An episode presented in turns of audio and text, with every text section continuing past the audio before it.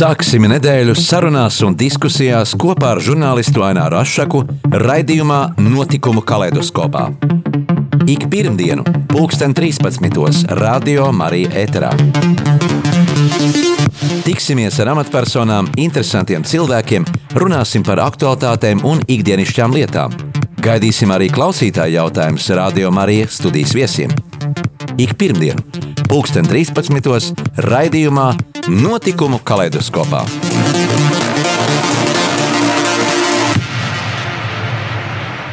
Esiet sveicināti radio klausītāji! Tuvojoties novembrim, Latvijas valsts svētku mēnesim, apkoposim savas atmiņas un rosināsim arī pārdomas par tiem sīkstajiem vīriem, kuri bija Latvijas brīvības cīņu dalībnieki. Un viens no tiem - izcilais latviešu tenors, operdziedonis, brīvības cīņu varonis Jānis Vītiņš, kura varoņdarbi Bermontiādas laikā līdzinās leģendām. Un studijā uz sarunu esmu aicinājis vairāku vēsturisku grāmatu un romānu autoru, arī rādījuma, arī raidījuma rakstnieku stundu vadītāju, rakstnieku Jāni Udri. Sveiks, Jāni! Labdien, lai slavēts Jēzus Kristus, paldies par uzaicinājumu arī šādā kvalitātē. Man ļoti patīkam būt rādījumam arī Latvijai, kalpot Dievam, kalpot Latvijai. Jā, arī šobrīd mēs dzīvojam ļoti sarežģītā, saspringtā laikā, kad Krievijas iebrukums Ukrainā ir apdraudējums visas pasaules drošībai bet par to runāsim nedaudz vēlāk. Toties tušajā saspringtajā laikā un, un, un, un burvīgajā garajā vasarā, atrodoties laikam kurzemē savās laukumājās, es paveicis lielu darbu, uzrakstījis jaunu grāmatu, atklājot mums daudz par nezināmā nezināmo Jānu Vītiņu, kurš savu jaunību veltīja Latvijas brīvības cīņām. Nu, kā tad tapu šī grāmata? Jā, grāmata nu, vēl tā tiek slīpēta, ja, jo es pie darbam kritiski. Un, un arī jaunākie notikumi, trauksmainie notikumi Ukrajinā parāda šīs grāmatas aktualitāti. Te var rasties tāds jautājums. Man pašam radās arī šis jautājums, nu kā, kā, kāds sakars ir teiksim, Latvijas brīvības cīņām pirms vairāk kā simts gadiem ar pašreizējo karu Ukrajinā, bet šis sakars ir ļoti tieši atziņa, ka par savu zemi ir jācīnās, un diemžēl, diemžēl mēs savā vēsturē nevienmēr to esam darījuši. Tā ir tāda bijusi mūsu toreizējo politiķu kļūda, es domāju par 40. gadu okupāciju, un tad jau 44. gadā, kad nāca otrā jau padomju okupācija, tad jau vairs nebija Latvijas valsts un Latvijas armija. Bet es savā mm, septītajā grāmatā, romānā Leitnants Rubens Bruņieks Roberts raksta, kā latvieši Tad arī mēģināja viens leitnants Rubens, kas vienīgais no kureliešu pulka ar savu bataljonu, savu leitnantu Rubeņu bataljonu, cīnījās cīnījās zem sarkanbalta sarkanā karoga un krita 44. gada 18. novembrī. Tā kā pagātne un šodien ļoti cieši saistītas. Un, protams, es sāku romānu par Jānu Vītiņu, romānu, kur nosaukums ir tenors ne, ne tenors, belkanto, tas tāds īpašs tenors, tā kā mūziķis zinās, ja belkanto, belkanto ešafota ēnā es to sāku, kad nebija vēl sācies šis Krievijas, nu, neģēlīgais, zemiskais, nožēlojamais, kaunpilnais karš Ukrainā, bet redz, šis karš sākās un tas vēl tā pasvītroja aktualitāti, jo Jānis Vītiņš jau mira, krita var teikt, uh, tika NKVD cietumā Astrahaņā nošauts 41. gada nogalē par Latviju, jo pēc padomju okupācijas viņš iesaistījās slepenā bruņotā pretpadomju organizācijā TV sargi. Drīz tika arestēts, jo šī organizācija bija nu, bez tādas konspirācijas pieredzes. Manā romānā Vītiņš cenšas pateikt, kā profesionāls virsnieks brīvības cīņās, viņš bija leitnants, komandēja rotu, cenšas šiem jauniešiem, jo TV sargas izveidoja studenti. Students, viens, kurš studē juridiskajā fakultātē, un viņam likās vairāk, vairāk, vairāk iesaistīt, bet jo vairāk, jo svarīgāk ir konspirācija, un Vītiņš brīdināja, brīdināja, brīdināja, bet, nu, tika arestēts. Lūk, tā, tas ir ļoti aktuāli. Jā, kāpēc līdz šim tik maz zinājām par šo, eh, par šo operu dziedonu? Marijas Vētra ir viņa laika biedrs, starp citu. Jā, tu nu gan paprasīji pilnīgi desmitniekā vai bingo. Tas ir jautājums, bezgalīgi sāpīgs jautājums. Un tā ir atbilde, kāpēc es rakstu to. Jo nav tā, ka es visu mūžu esmu nolēmis, cik Dievs būs lēmis. Uh, rakstīt par cilvēkiem, kuru mm, vēsturiskām personībām, kuras vai nu nav zināmas, vai tikpat kā nav zināmas, Nu, piemēram, kā Leitnants Rūbens vai nepelnīt aizmirst bija izcilā rakstniece Ivanda Kaija, un arī, nu, kā rakstniece viņu vēl pazina, bet, bet tikpat kā nezināja, ka viņa bija izcila patrioti, ka viņa trīs zvaigžņu ordeņa kavalieri bija. Mm. Tā tā sērija man sākās izcili, mm, romāni par izciliem latviešiem sākās ar Kārlu Ulmanu, par kuru nebija neviens romāns, neviens mēģinājums izskaidrot, kāpēc cilvēks kuram bija milzīgs nopelns Latvijas valsts nodibināšanā, nostājās būtībā šīs valsts atdošanas, vai pat jāsa, jālieto laikam briesmīgs vārds nodevības ceļa, jo viņš taču parakstīja visu, ko padomju okupanti prasīja. Vēl mēnesi būdams kā prezidents. Nu, lūk, un e, kādēļ Vītiņu nezināja? Tādēļ, kad e, NKVD arestējot viņu, mm, protams, visu iznīcināja par viņu, uh, visus arhīvus. Un mēs pēc neatkarības atjaunošanas to nesam papūlējušies atjaunot. Ja palas tagad, mm, nu, Google, internetā Google vai Wikipēdijā, tur ļoti, ļoti tādus kopus faktus var atrast. Un nedaudzās publikācijas, kas ir bijušas par viņu, piemēram, es kādu vēsturnieku pētījumu lasīju internetā, uh, negribu pat minēt vārdu, jo pat necenšos to atcerēties. Tur rakstīja tādu muļķību, ka Vītiņš bija vācis pieks. Vācis pieks. Nu, dabīgi es nemazākā mērā nešaubos, ka NKVD arhīvos viņš tā bija ierakstīts, jo tā jau arī viņam piespried nāves sodu. Bet vai tad tiešām cilvēkam, kam ir galvas pleciem, mm, pašam ne, nebūtu jāsaprot, ka NKVD tūkstošiem, desmitiem tūkstošu spriedumu parakstīja, ka tu biji Vācijas pieks, Japāns Tieši tas pats saistībā ar Ukrainu tagad pat notiek. Jā, drausmīgie padomi meli, kas turpinās. Redzi, turpinās. kā tu to būtību, būtību noformulēji. Tā ir, tā ir šī, šie padomi pastāvīgie mm -hmm. meli, kaut it kā vairs nepastāv padomi savienība, bet tā Krievijas vadība, šis Putins, šis NKVD, ļoti bālais pulkvežu leitnants, ja, kurš nekādu, nekādu normālu darbu pat, pat, pat šajā, šajā iestādē nebija dabūjis. Viņš bija komunistu satelītu valstī Vācijā, kaut kādā kinītī sēdēja mazā istabiņā un organizēja kaut kādas padomi kultūras dienas. Nu, protams, tur vēl kaut ko spiegoja. Rakstot grāmatu mm. par Ivanu Dikaitu, izmantoja viņas dienas grāmatu, vai Jānim Vītiņam arī bija kāda dienas grāmata, kad, nu, fakti, pēc kuriem tu smēlies informāciju, vai tu esi sazinājies varbūt ar viņu radiniekiem?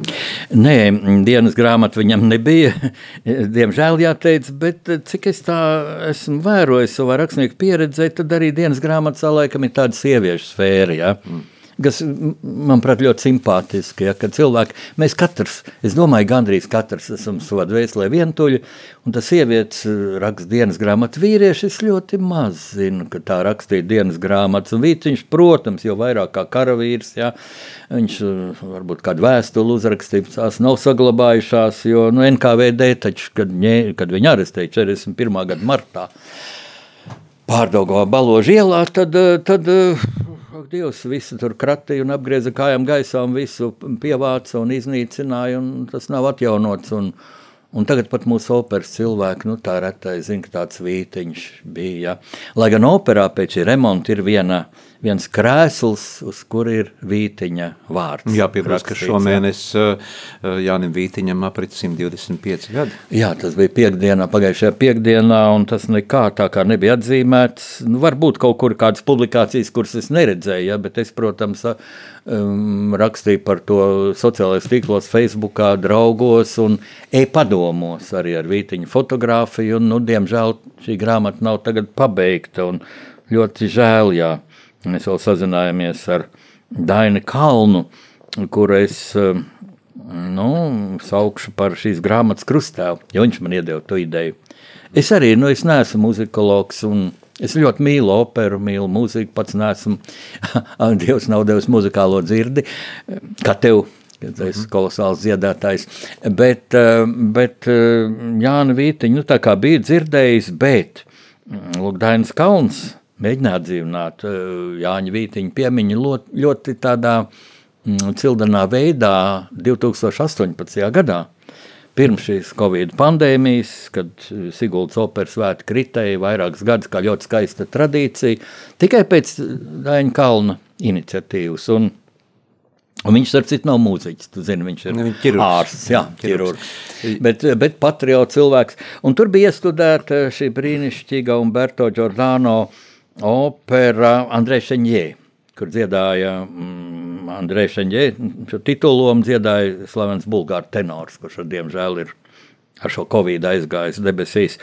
Un, un tur uh, šīs um, operas uh, programmiņā un Siguldas operas svētku programmā tur bija minēts arī, ka Jānis Vītiņš dziedāja uh, titulomu divos, divos Latvijas operas iestudējumos 28. gadā un 37. gadā. Ieraksti nekādu no Latvijas laikiem nav saglabājušies. E, šī opera nē, nav saglabājusies, jo toreiz jau nu arī te, tehnika tāda nebija, bet ir kādas belakordu plates, ko Vītiņš iedziedāja, bet, bet, bet, bet to arī pieminēja Marisu Vētru, mm, kas arī daudz minēts manā romānā, mm, jo viņiem bija tāda paralēla, sākot to, ka viņi abi piedalījās brīvības cīņās. Bet Vītiņš, Vītiņš bija gados vecāks.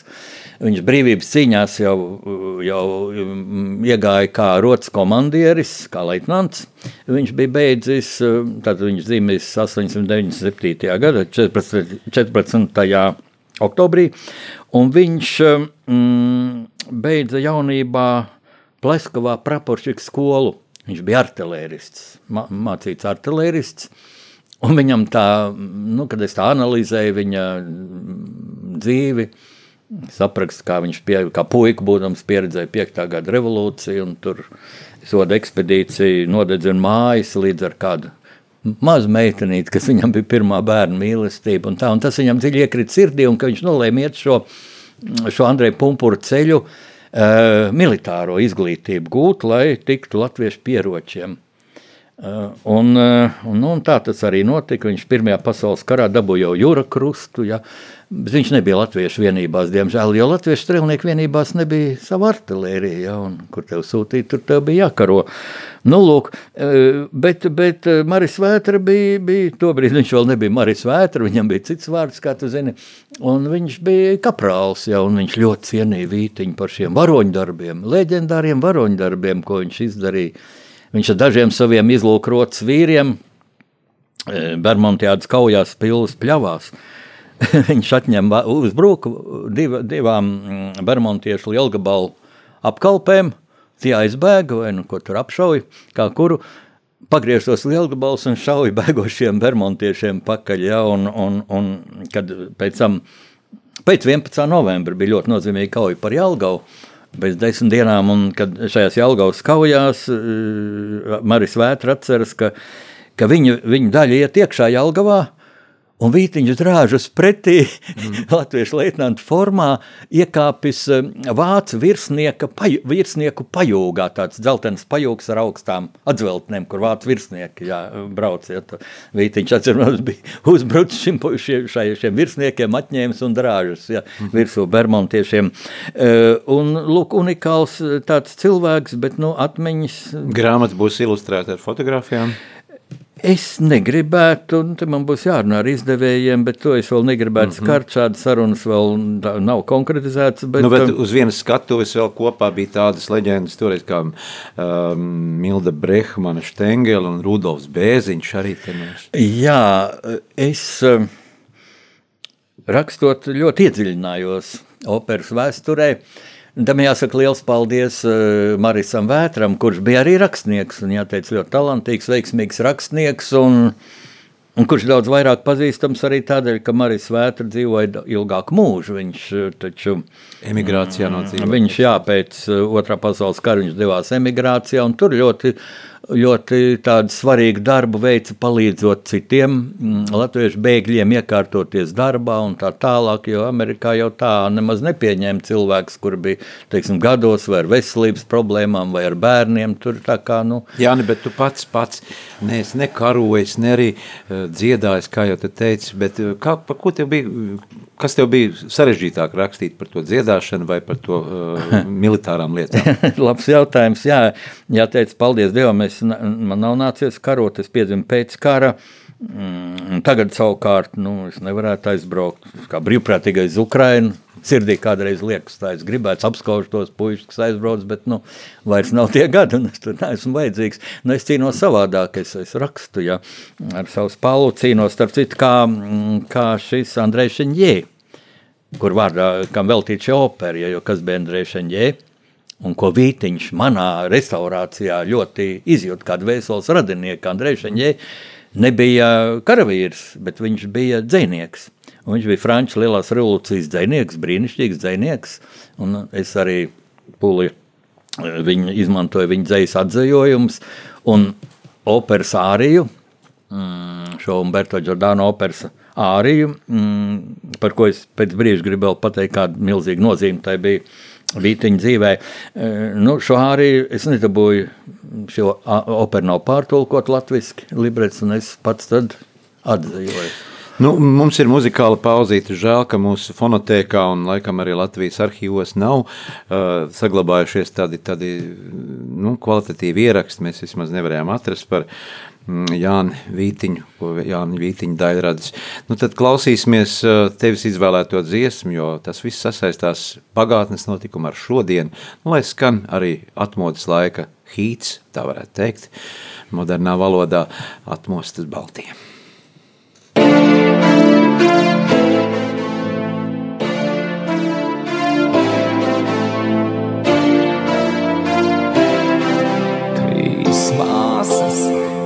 Jūras malā stāv. Tās nespēks un nogurums māc. Tur bradāta zeme un vēseles, trīs tautu gods un prāts. Bet turņos jau likteņa zvanis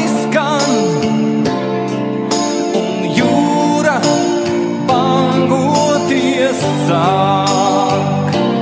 Trīs māsas no miega modušās par sevi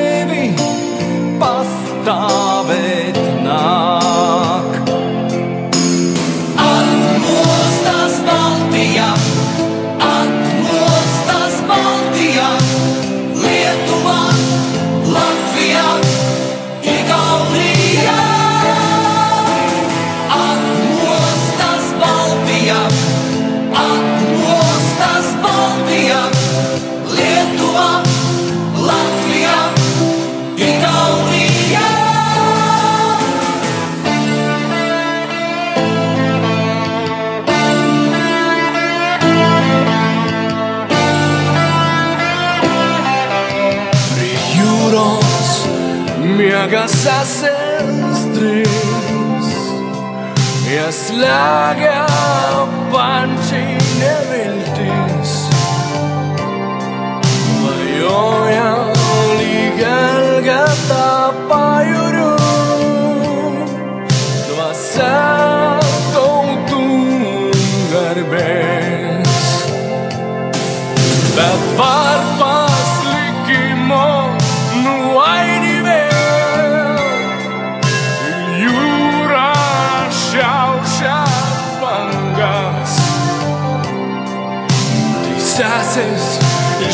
go.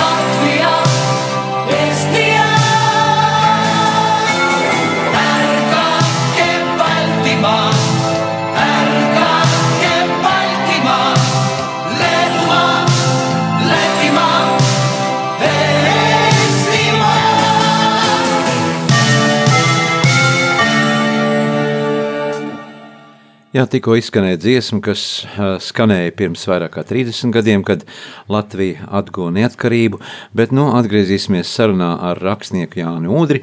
Atkal uh, pirms uh, vairāk kā 100 gadiem, kad bija Bermuda cīņas un Latvijas valsts cīnījās par savas brīvības iegūšanu.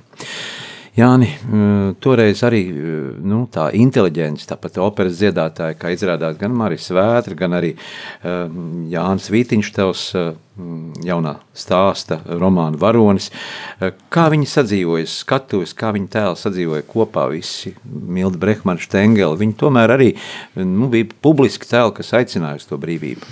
Jā, uh, jāteic, viss kā dzīvē, un arī tajā laikā bija, un šodien ir ļoti dziļas paralēlas. Inteliģencei, jā. Jā, un arī man, es neņemtos varbūt um, nu, vērtēt šodienas mūsu izcilāko operas um, zvaigžņu mm, situāciju, ja, bet, nu, Šodien, man liekas, vairāk komercializējas. Bet redz, kas pa lietu, ka tomēr ņem kā grib, bet lielākā daļa visas tās lielās zvaigznes, viņas slēdz ilgtermiņu vai īsākus vai, vai ilgākus līgumus ārzemēs. Un mēs, tā sabiedrība kaut kā, mēs lepojamies, es ļoti lepojos ar šiem izciliem vārdiem, ja redz, kā mēs spīdam pasaulē. Un droši vien mēs pat vairāk spīdam, ja cita komunikācija ir internets un, un, un, un pavisam cits vēriens. Bet pirms kara Latvijā bija ļoti līdzīga, un tas bija ļoti redzams. Un, kad es pētīju Jānu Vītiņu un Maris Vētru, kad praktiski visi mūsu izcilākie tenori tikai epizodiski dziedāja Latvijā, īpaši 30. gados, tas bija pēc pasaules krīzes, ja, jo Latvijas opera. Mm, Viens ir materiālā ziņā. Viņiem piedāvāja tikai īstermiņa līgums par pār daudz, daudz, daudz zemākiem mm, honorāriem kā ārzemēs. Tad viņi arī piedalījās viesizrādēs. Uh, Viņi piedalījās viesizrādēs un Vītiņš. Ja? Es nebaidos teikt, ka viņš savu patriotismu, kas milzīgi parādījās uh, uh, Bermudas laikā, kā karavīram, ka viņš tiešām gāja, viņš burtiski nāvi nicināja. Un tad arī tev padodas varoņdarbi. Viņš saņēma Latvijas ordeni, viņam iedeva zemi zemgalē mm, par šiem varoņdarbiem. Un tad varētu domāt, nu kā viņš tā dziedāja ārzemēs. Bet nu, viņ, viņš nebija vienīgais ārzemēs dziedāja Maris Vētra, Rudolfs Bērziņš, Priednieks Kavara. Un bija pat tādi paradoksi, kad eh, sagadījās, teiksim, ka Vācijā vienlaiks viņi visi pat laikam četri dzied, un tad viņi sabrauc kopā un sarīko tādu, nu, tādu, tādu vīru ballīti, ja? varbūt arī ar kādiem stiprākiem dzērieniem tā un atcerās, kaut viņi kā bija konkurenti, bet viņi arī bija ļoti labi draugi, arī biedri un B- Tu pirmie prasīji, ka, nu, ka maz tā zina vītiņu.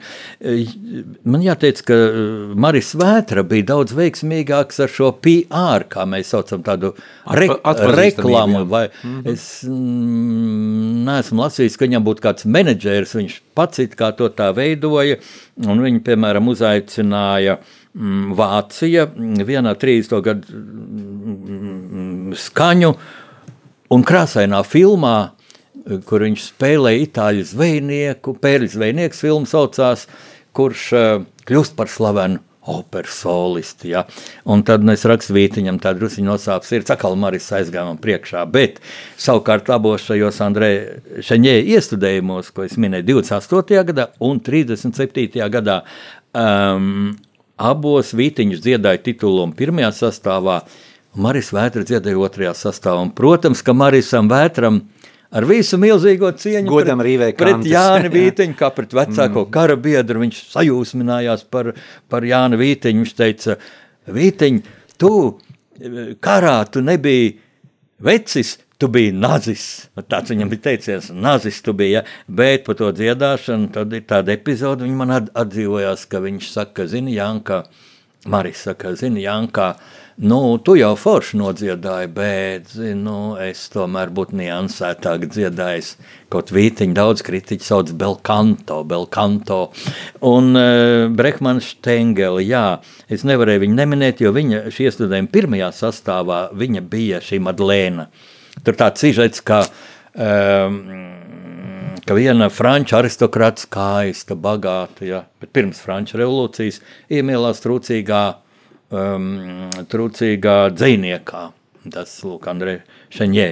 E, un iemīlās tā, ka sākumā tas Andrei Šeņē tur uzaicināts aristokrāta ballē, nu, paskait kā dzējoli, ja. Un tā kā pasmējās par viņu un tā, ja viņš tur kritizēja liekulību un tādu un buržāziju.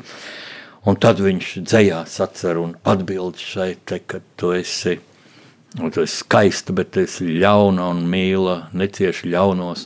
Un tā, un tad šī Madlēna iemīlās un, un iet, jā, un Andrejs Šenjē, kad revolūcija uzvar, Un kas notiek ar revolūciju? Aprīja savus bērnus. Nu, savā laikā, savā ziņā pat mums kaut kur Latvijā tā notiek. Nevienam galvu necert no atmodas laika varoņiem, bet cenšas viņus dažādi nopulgot. Ir tādi sastopami dumi raksti, blēdīgi raksti, kur barikāžu notikumus attēlo melīgi, ka tur esot dzēruši un sēdējuši pie ugunskuriem tam līdzīgi. Es tur biju, ja tu tur biji. Man ir barikāžu medaļa. Nu, nebija tā, nebija tā. Tie bija varonīgi cilvēki. Jā. Pie tam lauku vīri. Ja. Nu, lūk, jā, un kas notika? Andrejs Šeņģē sāk kritizēt arī šos revolūcijas jaunos, kas nāca pie varas. Nu, un Robes Pjērs jau bija ļoti nežēlīgs un galvenos uz giljotīnas. Ja. Un šīs paralēles, tāpēc, lūk, es nosaucu nosaukt savu romānu Belkantošu fotēnā. Bet uh, Brehmans Stengela arī piedzīvoja ļoti sāpīgu attieksmi pret sevi, jo viņa bija pirmā uh, ārzemju operas soliste, pirmā rietumu valsts soliste, kura tika pēc, uh, pēc padomju mm, varas nodibināšanās Krievijā uzaicināta dziedāt lielajā teātrī kurš bija ļoti slavens caru laikā, un tagad padomu režīms arī centās to atjaunot.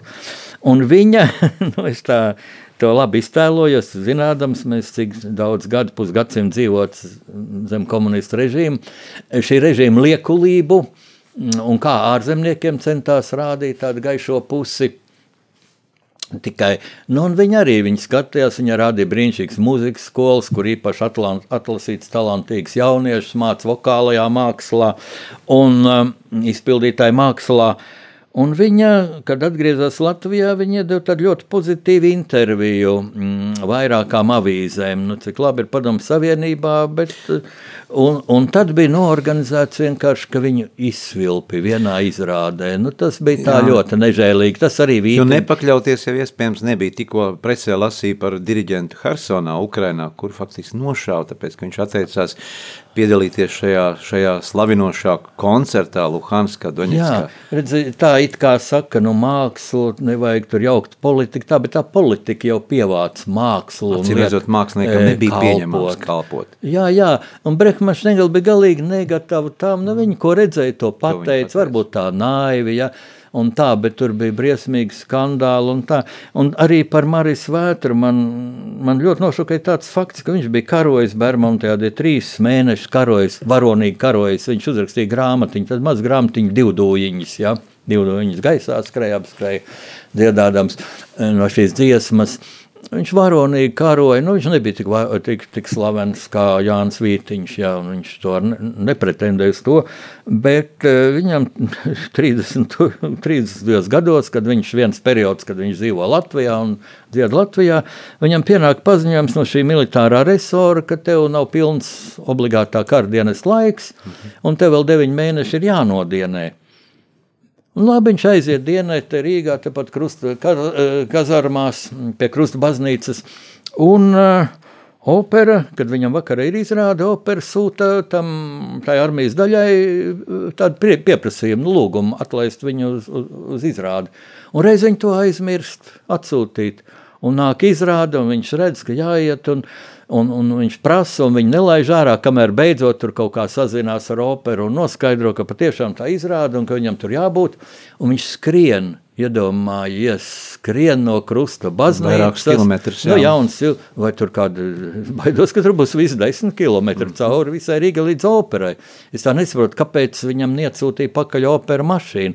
Nu, toreiz jau nebija tā vēl 30 gados tik daudz mašīnas un taksīšai vai, ne, vai piezvan pa mobilo telefonu taksītim, lai Sabiedriskā piebrauc. nebija ormanīts. Jā, un viņš aizskrēja, un viņš slikti nodziedāja. Viņš bija aizsmacis. Un tad šis kritiķis Brusubārda mm, uzrakstīja, ka kāds bezatbildīgs tenors, ka šī tā nav formā un iet publikas priekšā. Tā jau mēdz sacīt, ka skatītāji jau neinteresē tas. Uh, tev jābūt ir pilnā izpildījumā un labā Jā, kvalitātē. jā nu tā tas arī varētu šim teicienam piekrist, bet te jau bija dziļāk zemteksts. Protams. Tas ir daļēji seriālā par Benjamiņu mm. pieminēts, ka to patiesībā bija norganizējusi Emīlija Benjamiņa. Viņa diezgan Atriebīga. raksturs ir bijis viņai. E, Šim Brusbārdam viņa pasūtīja tādu rakstu. Tas arī filmā ir. Jo fakts, mm -hmm. fakts ka Marijas Vētriets ir pļauku tam, tam Brusbārdam un bija tiesāšanās. Un kāpēc Emīlija to darīja? Atkal tā ļoti nu, nezalīdi. Marijas Vētra bija jau slavens tenors. Un Emīlija viņu līdz ar citiem slaveniem cilvēkiem uzaicināja pie sevis mm, uz tādu kokteļu vakaru. Viņa tādas ballītes rīkoja, kur VIP personas, tādas izcilākās personības. Nu, un vētra arī aiziet tur kā, kā, kā viesis. Un viņa uzreiz, nu, Marijas, tagad eh, nodzied mums vienu dziesmu. Un viņš saka, piedodiet, vai ne, bet es esmu aicināts kā viesis. Ja? Ja tu aicini kā mākslinieku, un tad piedāvā viņam zelītu honorāru, un tad vai nu viņš parakstīs to līgumu, vai nē, bet viņi nu, uzdied kaut ko. Nu. Vai tad tev nav grūti? Viņš nav jā? kroga muzikants, jā, jā, vai tev nav grūti. Jā. Un viņš atteicās dziedāt, nu, nemīlēties, to nepiedēva, ja kam nauda tam vara. Jāni, tagad pāriesim no, no, no, mm, no, no tā laika notikumiem un tā jaunā vēsturiskā romāna, kuru mēs, uh, es- kad mēs varēsim redzēt grāmatplauktos. Ai, mm, prasi kaut ko vieglāk, jo tas laikam ir, eh, lai grāmata taptu, sāpīgākais moments. Man bija mm, ļoti ilgi jāgaida iepriekšējais romāns eh, par Ivānu Kaju, jo, jo, jo man manuskripts bija gatavs uz Jā. Latvijas simts gadu jubileju. Bet Nu- te sākās bet ar daudziem, daudziem daudz punktiem. Nu, man prieks, ka tagad šis romāns iznāca un arī lasītāju aptaujā par, mm, par zvaigznes ABC. Nu, faktiski trīs gadu grāmatām, ja es uzvarēju, saņēmu šo kristāla grāmatu. Tajā kategorijā internetu balsojumu. Es domāju, tas tas objektīvākais balsojums bija. Un es nesen lidoju gaisa balonā, kas bija mana balva. Un tu redzēji arī savu zemi. No, Es redzēju savu zemi, kas ir brīnišķīga, un es zinu, ar ko es lidoju kopā. Es lidoju kopā ar Ivānu Kaju. Var iedomāties, jo es eh, savu romānu mm, Sievietes dzelme, Ivāna Kaja sievietes dzelme, mm, epilogā es eh, rakstu tādu nu, unikālu gadījumu patiesībā, kam sākums bija ļoti patiesa, kad es misiņu bibliotekā lasu Ivānas Kajas dienas grāmatu, un ko nu viņi tur raksta, un es pastos datumu 18. janvāris, kaut kurā tur gadā tieši pirms simts gadiem, un mīlīt, es skatos, šodien ir 18. janvāris, un tad man kaut kā galvā tā iztēle radās tāds, ka es tā kā datorā sarakstos, kad kad, kad viņa man raksta. Jo es eh, lasu viņas dienas grāmatu, vienlaikus turpat bibliotekā rakstu datorā, citāts šīs dienas grāmatas. Un man sāk rakstīties, kā jūs iekļuvāt manās domās, kas jūs esat ar kādu nolūku. Un es atbildu, es esmu Jānis Udrs, rakstnieks, es rakstu par jums, es cienu jūs, es abrīnoju jūs un tā. Un, un To lasītāji ļoti, ļoti dažādi vērtēja. Nu, bija arī nu, bija ļoti dažādas atsauksmes, pārsvarā ļoti pozitīvas. Bet eh, pēc tam man bija kāds uzvedums par citu grāmatu, atkal par, par manu romānu par eh, Lietuvānu Rubeni. Rubenim apritēja simts gadi. Un tur es uh, iekļauju fragment no Ivānas Kājas, jo šie, šie varoņi stāsti sasaucas, jo Latvijas vēsturi viņi saista.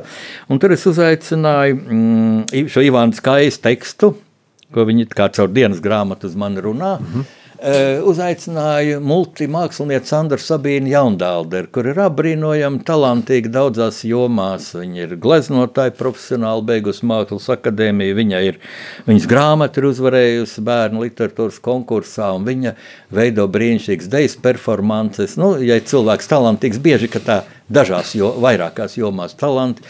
Un viņa arī bija šeit gaisa balonā kopā ar mani, kā Ivāna Kāja. Jā, mums laiks iet uz priekšu. Mēs parunāsim par no pagātnes notikumiem, pārslēgsimies uz šodienu. Par pašreizējo situāciju, kas ir um, saistībā ar, ar Ukraiņas, Krievijas uh, lielo konfliktu un, un, un apdraudējumiem un noziedzību, kas nosaka. Kādas ir šīs kopsakarības, ja? Ko, kā tu raksturotu tās?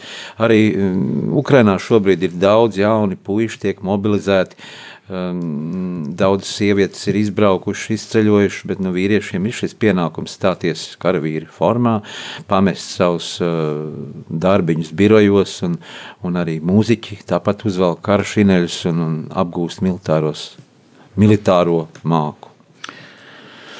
Jā, Sāpīgs jautājums. Bet... Tavs jautājums ir bezgala, bezgala aktuāls mūsu Latvijai vēsturiskā perspektīvā vēsturiskā perspektīvā, un es ceru, ka, nu, es redzu, ka ne šodienas, šodienas skatījumā, ja tā aktuāli, nu, pie mums nav karš, es ļoti ceru, ka ne nākotnē, jo, ka mums nebūs jo me, ja tieši tā mēs esam NATO, bet atceries, ka mēs stājāmies NATO, kad bija arī kaut kādi tādi, kas apgalvoja, ka nav. Es atceros Jānis Jurkāns, kurš savā laikā Jā. bija Latvijas ārlietu ministrs. Tu vari iedomāties, un Pirmais televizorā brēca, kurš mūs apdraud, kas mūs apdraudēs.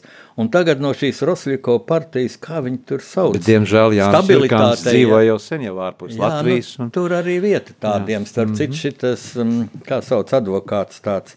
Man ir īpatnība tāda, ka cilvēki, kurus es necienu, kaut kā viņi iztumjās neapziņas viņu vārdi, bet viens bija, kas zaudēja vēlēšanās, šausmīgi izgāzās, nu, kas bija viss pret vakcinēšanos un, jā, nu, un, Aldis, jā, un, par Aldis, homoseksuālismu. Aldis, Gobsams, jā, kaut kā jā. Jā, kaut kāds un viņš ar aizbrauca, un viņš aizbrauca ar lāstiem, lai visi brauc no Latvijas prom, un bērns sūta prom no Latvijas, nu, nu tad parādās cilvēki īstā seja, ja? bet paldies Dievam, ka mēs esam NATO, bet Ukraiņi, um, domājot par 11. novembri, es ar citu uzaicināts uz savu pirmo skolu, teikt, skolu, tikties ar absolventu klasi, ar 12. klasi. Es tā domāju, ko viņiem teikt. Tad viena no galvenajām tēzēm būs par savu zemi ir jācīnās vienmēr, jebkuros apstākļos, un to mums Ukraiņu piemērs vēlreiz saka. Bet Jāni, Ukraiņas skolas pavērojot, jā, televīzijā, ko mums rāda, tiešām tie, nu, ir patriotiski, viņi uzliek jā. roku uz sirds, un viņos ir vairāk viņi šī patriotismu, godīgi sakot, kā mums. ir, jā, bet tagad es vēroju, es izmantoju katru iespēju tikties ar skolēniem, jā, Un es vēroju ļoti daudz, ļoti dziļu patriotismu mūsu bērnos, tieši mūsu jauniešos, vairāk nekā, nekā mūsu abu paudzē. Mēs abi esam pirmā pēckara paudze. Ja? Un, kur tālu meklēt, es redzu šeit rādījumā arī Latvijas šis kolektīvs, ja, šie nu, profesionālie darbinieki, kas mēs esam brīvprātīgi, mēs jau esam cienījamos gados, bet, bet šie, tie taču ir jaunieši, kas pie pults sēž brīnišķīga meitene un, un kas kafiju mums uzvāra. Viņi ir brīn, brīnišķīgi jaunieši, mm -hmm. un, un es redzu, ka viņi ir dziļi patrioti, un tas man ļoti aiz, aizkusina, tāpēc es šeit gribu būt. Bet, lūk, Lāčplēša diena, 11. novembris, ja, es tā ar, ar, ar tādām faktiski ar diezgan lielu šoku vienreiz iedomājos. Latvijas simt, nu jau cik simt uh, četru gadu vēsturē, ir vienīgā reize, kad mēs uzvarējām karu zem savu sarkanbaltu sarkanā karoga vieni paši. Ja? Pirms tam brīvības cīņas, kad ar lielniekiem cīnījāmies, tur jau būtībā tas bija Latvijā pilsoņu karš, jo lielnieki jau lielākais spēks bija latviešu sarkanie strēlnieki, apmuļķoti, kļūdījušies. Daudz pārgāja Latvijas armijā, ļoti daudz, es vēl viņus esmu ticis, ticies ar viņiem 18 gados ar veciem vīriem, Eh, bet em, pēc tam 40. gadā mūsu armija, tautas mīlēta armija, Nu, jā, bija veci ieroči, tā, bet tā skaitījās izcila armija. Vācu apvēram bija tāds pētījums, ja, ko nozīmē dažādu valstu karavīrs, salīdzinot ar vācu karavīru, kur vācieši kā tāda etalona izcils karavīrs. Un viņš arī bija izcils, to jau mēs redzējām 41. gadā, kā viņa Krievijas sita. Ja. Un tad viņi lika tā, viens vācietis pret pieciem sarkanarmiešiem, pret pieciem krieviem. Ja? Mm. -hmm. Man liekas, ka Ukrainā ir tā viens ukrainis pret pieciem vai pat desmit ir krie- jāsaka, krieviem. ja. paldies, protams, ir rietumu tehnoloģijām. Bet, Un... Jā, bet arī, patrio, arī patriotismam Patriotismam liela noteikti. Bet, bet, bet latviešus, vācieši lika Wehrmacht karavīrs, viens vāc, vācu karavīrs, viens latviešu karavīrs. Tas ir, šis fakts ir arī manā romānā, ja, jo Vītiņš tur tiekas ar, mm, ar, ar vienu vācu, jā, vienu rezid, vācu izlūkdienas rezidentu Latvijā, bijušo rīdzinieku, e, Baltvācieti, un viņi runā, Un, un sākumā nu, Vītiņš tur runā, ka ieročis un tā vajadzētu, un tā, bet tas atkal, nu, tad jūs tur spiegojiet. Nu, labi, mēs varam būt kā sabiedroto izlūki un tā, bet mēs par neatkarīgu Latviju. Un te jau vācietis, nē, nē, un tā, un galvenais sāciet jau laiks gatavot ebreju sarakstu, viņus vajadzēs nošaut. Un tad Vītiņš viņam pasaka to frāzi, ko mēs latvieši sakam, bet ko es šodien neteikšu, jo mūs klausās mm -hmm. sievietes. Jā. Tu pats vari iedomāties, vai es uz papīrīšu uzrakstīšu. Tas ir prasts teiciens, bet dusmu brīžos, man liekas, mēs vismaz vīrieši katrs reizēm tā padomājam. Reizēm arī pasakam skaļi. Jaunieši, sapsit, jaunieši labāk par mums. Jaunieši tādās reizēs saka, ej tu nost. Man tas patīk, tur nav nekā rupi. Ja? Ej dillēs, jā. Jā, nu arī tā saka, jā, bet nu, tas ir tāds brīdis, ka viņi Jā, bet tā, tā laika tehnoloģijas, eh, kā tu nu, teiksim, vērtē teiksim, tā laika tehnoloģijas un iespējas, nebija ne tādu sakaru, ne tādu dronu, ne arī pretgaisa aizsardzības. eh, Cilvēki cīnījās ar, ar, ar ieročiem rokās, ar, ar, ar, ar strēlnieku ieročiem, un tomēr uh, nu, bija kaut kāds līdzsvars tajās cīņās. Jā, nu, es neesmu militārs cilvēks, un reizēm var arī kļūdīties. Man par to bija jādomā, kad um, es iepriekšējā raidījumā runāju ar ģen- ģenerāli Graubi savā rakstnieku pārunu stundā, pasaules tulkošana. Ja? Un es um, tā man dziļi neizpratne, ka citi cilvēki iedomājas tādu obligātais, nu, jā, obligātais, nu, ar likumu būs valsts aizsardzības dienests, ja? Un kaut kā sievietes ļoti tā saspringa, ka tas arī uz viņām attieksies, un, un viena daļa tā kā, nu vai tā nē, mēs arī, vai mēs sliktākas. Diezgan un, negatīva attieksme arī ir. Nē, jā, bet dažāda. Viena, kad grib iet, otra, ka negrib. Un kas grib iet, tad, nu, es saprotu, tad brīvprātīgi lūdzu. Tagad jau ir zemesardze, un tur ir brīnišķīgas meitenes, vai es aizēju uz aizsardzības akadēmiju. Es esmu bijis ielūgts vairākus gadus uz Melnās kafijas vakaru. Tur vēl trešā daļa ir meitenes. Jā. Un brīnišķīgi, ja viņas aiziet pēc savas sirdsbalss, bet obligāti nu gan ne, jo viņas taču ir mātes, sievietes par Latvijas simbols, un sievietei ir, ir, ir, ir jā, jāsargā tas ģimenes pavārds, kamēr vīrs karo. Tā tas ir bijis mūž, mūžos. Starp citu, bet, jā, bet bija tādi jautājumi. Viena sieviete publiskā telpā kaut kur saka, es esmu patriots, es esmu, es mīlu Latviju. Bet man ir trīs bērni, un, ja man būs jāizšķiras par maniem bērniem vai par karadienas, tad es neiešu. Es domāju, mīļā, ko tu runā, taču tā armija būs, lai tevi aizsargātu ar taviem bērniem. gan vienā pusē, gan otrā. Tagad mēs redzam, arī Krievijā, ja mobilizēt grib, uh, Putins grib mobilizēt savus uh, vīriešus, bet, diemžēl, nu, nav tā, nav tā, tā tas patriotisms tāds, lai viņi tagad skrietu vai ne. Jā, karot. zini, e, Ai, cik interesanti paralēli tu man atgādināji. Manā romānā ir tāda epizode.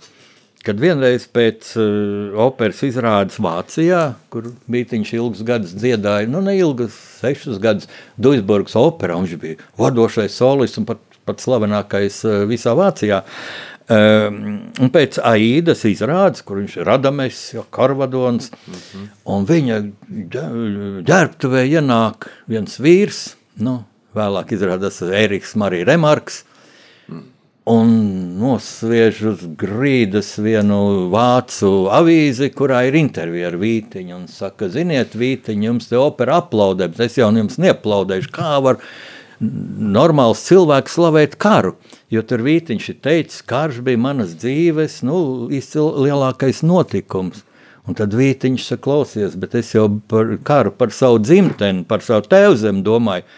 Un tur Remarks saka, Tādu kā es gan nezinu, jo Vācija vienmēr visiem uzbruka, un ko viņam franči bija nodarījuši, ja, viņi tikai gāzās virsū Pirmajā, Otrajā pasaules karā, un viņam briesmīgi vajag Franciju un dzīves telpu, un ko tur, ja, un tādas muļķības.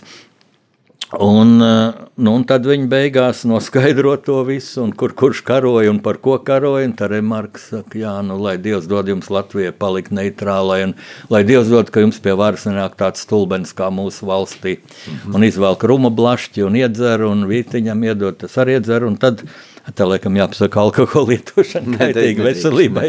ne. E, Un, un, un, un, Rema, un Vītiņš saka, Ērika, vai tu nebaidies šitā runāt, jā?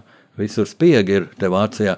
Nu, es jau rīt braucu uz Šveici. Jā. Nu, lūk, tāda vēsture, tas, protams, es restaurēju, bet nu, mm, tā varēja būt. Jā. Un, ja varēja būt, tad romānā tā, tā var Jā. rakstīt. Eh, Jāni, ārpus grāmatu rakstīšanas, nu, kā tu pavadi laiku un, un kā tu relaksējies, atpūties? Tu zini, man nav tāda laika, ko es pavadu. Tas ir tavs hobijs. Nē, nē, nē. Rakstīšana ir mans, teiktu, profesionāls pienākums, jo es ļoti skaidri saprotu, ka to, ko es rakstu, neviens cits nerakstīs. Jā. Tieši tā. Man ir romāns par Kārlu Ulmanu. Tas ir vienīgais romāns, un ja kāds būtu alcis rakstīt, būtu jau pirms manis vai uzrakstījis pēc manis. Vai tāpat par, par, um, par Meirovicu, Zikfrīdānu Meirovicu. Jā, man ir div, div, pat divās versijās, divās redakcijās romāns par Meirovicu, neviens cits nav. Par atmodas ir, ir, notikumiem, Ansim. Gulbim, bet nav ārkārtīgi kļūdains un nu, ar drausmīgām kļūdām.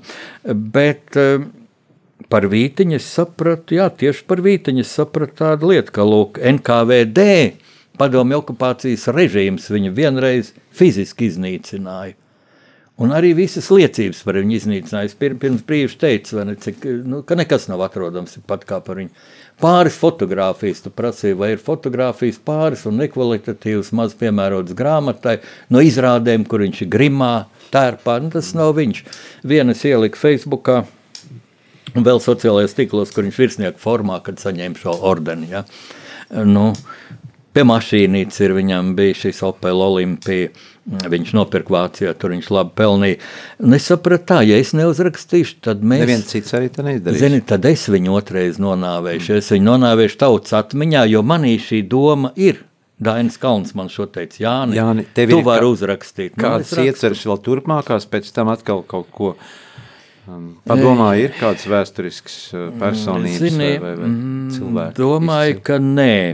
Jo arī par vītiņu es jau biju domājis pielikt šai sērijai punktu ar Ivanu Kaju, jo es redzu lielu, milzīgu, nepiedodamu robu tautas vēsturiski atmiņā par barikāžu laiku un par komunistu laiku, kad es biju žurnālists. Es biju diezgan pazīstams žurnālists, man daudz tādu pārmet, kā tas bija patiesībā. Ļoti svarīgi kā tas bija patiesībā. Un, Tas nebūs par mani, es sev nevērtēju tik augstu, lai rakstītu, bet nu, kaut kādas autobiogrāfiskas iezīmes. Man tikai šeit iecerē, man, man tā problēma, ka vajag kādu slikto īpašību. Jā, nu mēs tagad runājam par tiem laikiem, jā, bet ja mūsdienās vajadzētu par kādu cilvēku uzrakstīt grāmatu, kas ir bijis pie, pie atmodas šūpuļa, varbūt kāda personības pilkte, uh, kāds Zini, ir tavs Es tādu ideāls? neredzu. Ne tāpēc, ka, ka, Pavisam ne, ka ne? nebūtu. Nē, es neredzu tādu cilvēku, kurus, kuru nu, es necienītu. kur Tur tu- daudz cilvēku. kur tu gribētu uzrakstīt Piemēram, es ļoti cienu Dainu Ivānu. Mēs esam draugi. Viņš ir bijis vairāk kārt manos raidījumos. Es uzskatu arī par godu vīru Anatoliju Gorbunovu, kuram spoža komunistu karjeru, un pēkšņi viņš to lauž, viņus nostājas ar tautu, Alfredu Čepānu tāds. Bet es par viņiem jau visiem ir uzrakstīts, un arī vēl es esmu pret to, man nebūtu interesanti rakstīt par um, nu, šo tādu autobiogrāfiju, nu, pastāstīt, ko, kas viņš laika bija, biedriem, ko jā. viņš darīja. Ir par Jānu Peteru, ko Astur Mīle nelaiķi jau uzrakstīja, un tā, nu, mm, tas ir, zini, es teikšu godīgi, tas ir zem mana līmeņa. Tas ir tāds žurnālists darbs, bet es no žurnālistikas esmu aizgājis. Jo vairāk tādēļ, ka žurnālistika tagad ir... Um, Bulvāra Nu, jā, ļoti dzelteni kļūst. Es neteikšu to par visām. Mums ir izcili raidījumi. Es ļoti cienu Gunāru Rēderu un, un vēl ir virkne, kas elektroniskajos mēdījos pamatā presē. Arī droši vien ir, bet es īpaši tā vairāk nelasu. Presi. Jā, bet, nu, jau tomēr laika. saglabāt Bet, zini, tā neutralitāti. atpūsties un tā hobija, man vairāk nav tam laika. Ja es, piemēram, pašlaik, ja man ir brīvs brīdis, es mājā, kur dzīvoju, būvēju veitveru. Domāju, ka tā māja nav veitvers vēl, ja, un es būvēju, lai vienkārši nevajag gaisu sildīt pie šīm vaipratīgām gāzes cenām. Es rūpējos par savu brāli, kurš ir invalīds un kuram vajag palīdzēt. eh, Jo, jo šīs vaipratīgās gāzes cenas, es nere- neredzu, kas notiek. Es nesaprotu, kas notiek. Kāpēc netiek uzlikots gāzes griezti, kāpēc netiek savaldīts šis kalvīts, kurš, kurš, kurš Tā ir- lo- lobē Krievijas tā ir intereses? monopola- monopola rīcība, jā. Mēs ar Dainu Ivānu runājām šeit, mūsu raidījumā, taču vajag nacionalizēt šo, šo Latvijas gāzi. Un, kad to jautā ministrē, ekonomikas ministrē, viņi saka, nu jātiek strādāts tur kaut kā, lai tur atdalītu to, to tirgošanas vektoru, to ga, gaso, kā viņi tur sauc. Bet tas taču ir vaiprāts. Jā, tās ir biežas uh, spēles un biežas noteikumi tiek diktēti. Ja, ja es Kristus, mūsu pestītājs, teica, neraizies par rītdienu, rītdien raizēsies pat par sevi, bet es nezinu, vai tas nav šis gadījums tomēr, ja jau latviešu sakām vārds kal, kal, kal raga, raga uz ziem, vasarā, ja, nu, nu jau vairs nav vasara, jau jāsāk kurināt, ja. Jā, Jāni, pie tā jāsāk kurināt arī mūsu raidījuma laiks tuvojas noslēgumam, un es teikšu tev lielu paldies, un pirms tam gribētos, lai tu arī mūsu raidījumā notikuma kaleidoskopā, mm, kā rakstnieku stundas uh, vadītājs, um, novēli kaut ko mūsu klausītājiem, jā. Jā, man gribētos ļoti daudz novēlēt. Es, piemēram, kad Latvijas dienā tikšos ar savas bijušās skolas absolventiem, nākamajiem absolventiem, es gribētu novēlēt, lai viņi dzīvē neizdarītu tās kļūdas, ko, es esmu izdarījis, lai nepiedzīvotu tās šausmas, ko es esmu piedzīvojis. Bet no kļūdām laikam nevar pasargāt. Var pat pateikt, nedara tā, jā, jo, jo es tur kļūdījos. Nu, dzīve dos citas kļūdas, diemžēl, diemžēl. Bet kas ir tas vektors, vai zini, stūrakmenis, ja es tā bieži domāju, mm -hmm. kā dzīvot? Nu, kas būtu tā formula, lai tev tomēr dzīvē būtu iespējami labi? Vismaz, lai nebūtu jānožēlo. Kad ir kā stūrakmenis, ka tu būvē vienu sienu, tā ir um, vai kā log, logs gotiskajās būvēs. Ja viens, viena vertikāli ir dzīve, kādas iespējas tev dod, otra, ko tu gribētu, un tā kā viņi savienojās, ja tais loga ailēs, tad ieliek dēļus, un tie ķieģeli kā turās tur, ja. Bet tā nāk brīdis, ka tie dēļi ir jāizņem, un kā viņi turās. Tur ir stūrakmenis, tāds konus, veid apgriezts konus, kurā notež ķieģeli tādu, un tad ieliek, un tad viņš balsta to tur, to velvi visu, ja. Unikāls būs, ko redzēt domā un citur. Un kas ir tas stūrakmenis? Es teiktu, tā ir Latvija. Es novēlu turēties pie Latvijas. Lai cik tev lielas algas būtu ārzemēs, aizbrauc, kāds brauc atpakaļ. braukt, Izmācies, mm -hmm. dabūni diplomu, brauc atpakaļ, jo Latvija tev nenodos. Mēs daudz nododam Latviju. Latvija tev nekad nenodos. Paldies, Jānis, arī par šiem uh, svētiem, dārgiem vārdiem. Uh, atgādinu mūsu klausītājiem, ka mēs šodien uh, studijā satikāmies ar uh, un sarunājāmies ar rakstnieku stunda vadītāju rakstnieku Jāni Ūdri par viņa jauno grāmatu, uh, kas uh, nu, drīzumā arī būs grāmatplauktos par Jāni Vītiņu, uh, Bermontiādas cīņu dalībnieku un izcilu, izcilu operu dziedātāju. Paldies, lai arī tavi vēstures varoņi dzīvo mūžu mūžos un ir kā tāds spilgts piemērs mūsu jauniešiem. Paldies, ka atnāci uz studiju. No sirds pateicos, man bija interesanti. Sāksim nedēļu sarunās un diskusijās kopā ar žurnālistu Aināru Rošu raidījumā Notikumu kaleidoskopā. Ik pirmdienu, pulksten 13. Radio Marija Eterā. Tiksimies ar amatpersonām, interesantiem cilvēkiem, runāsim par aktuālitātēm un ikdienišķām lietām.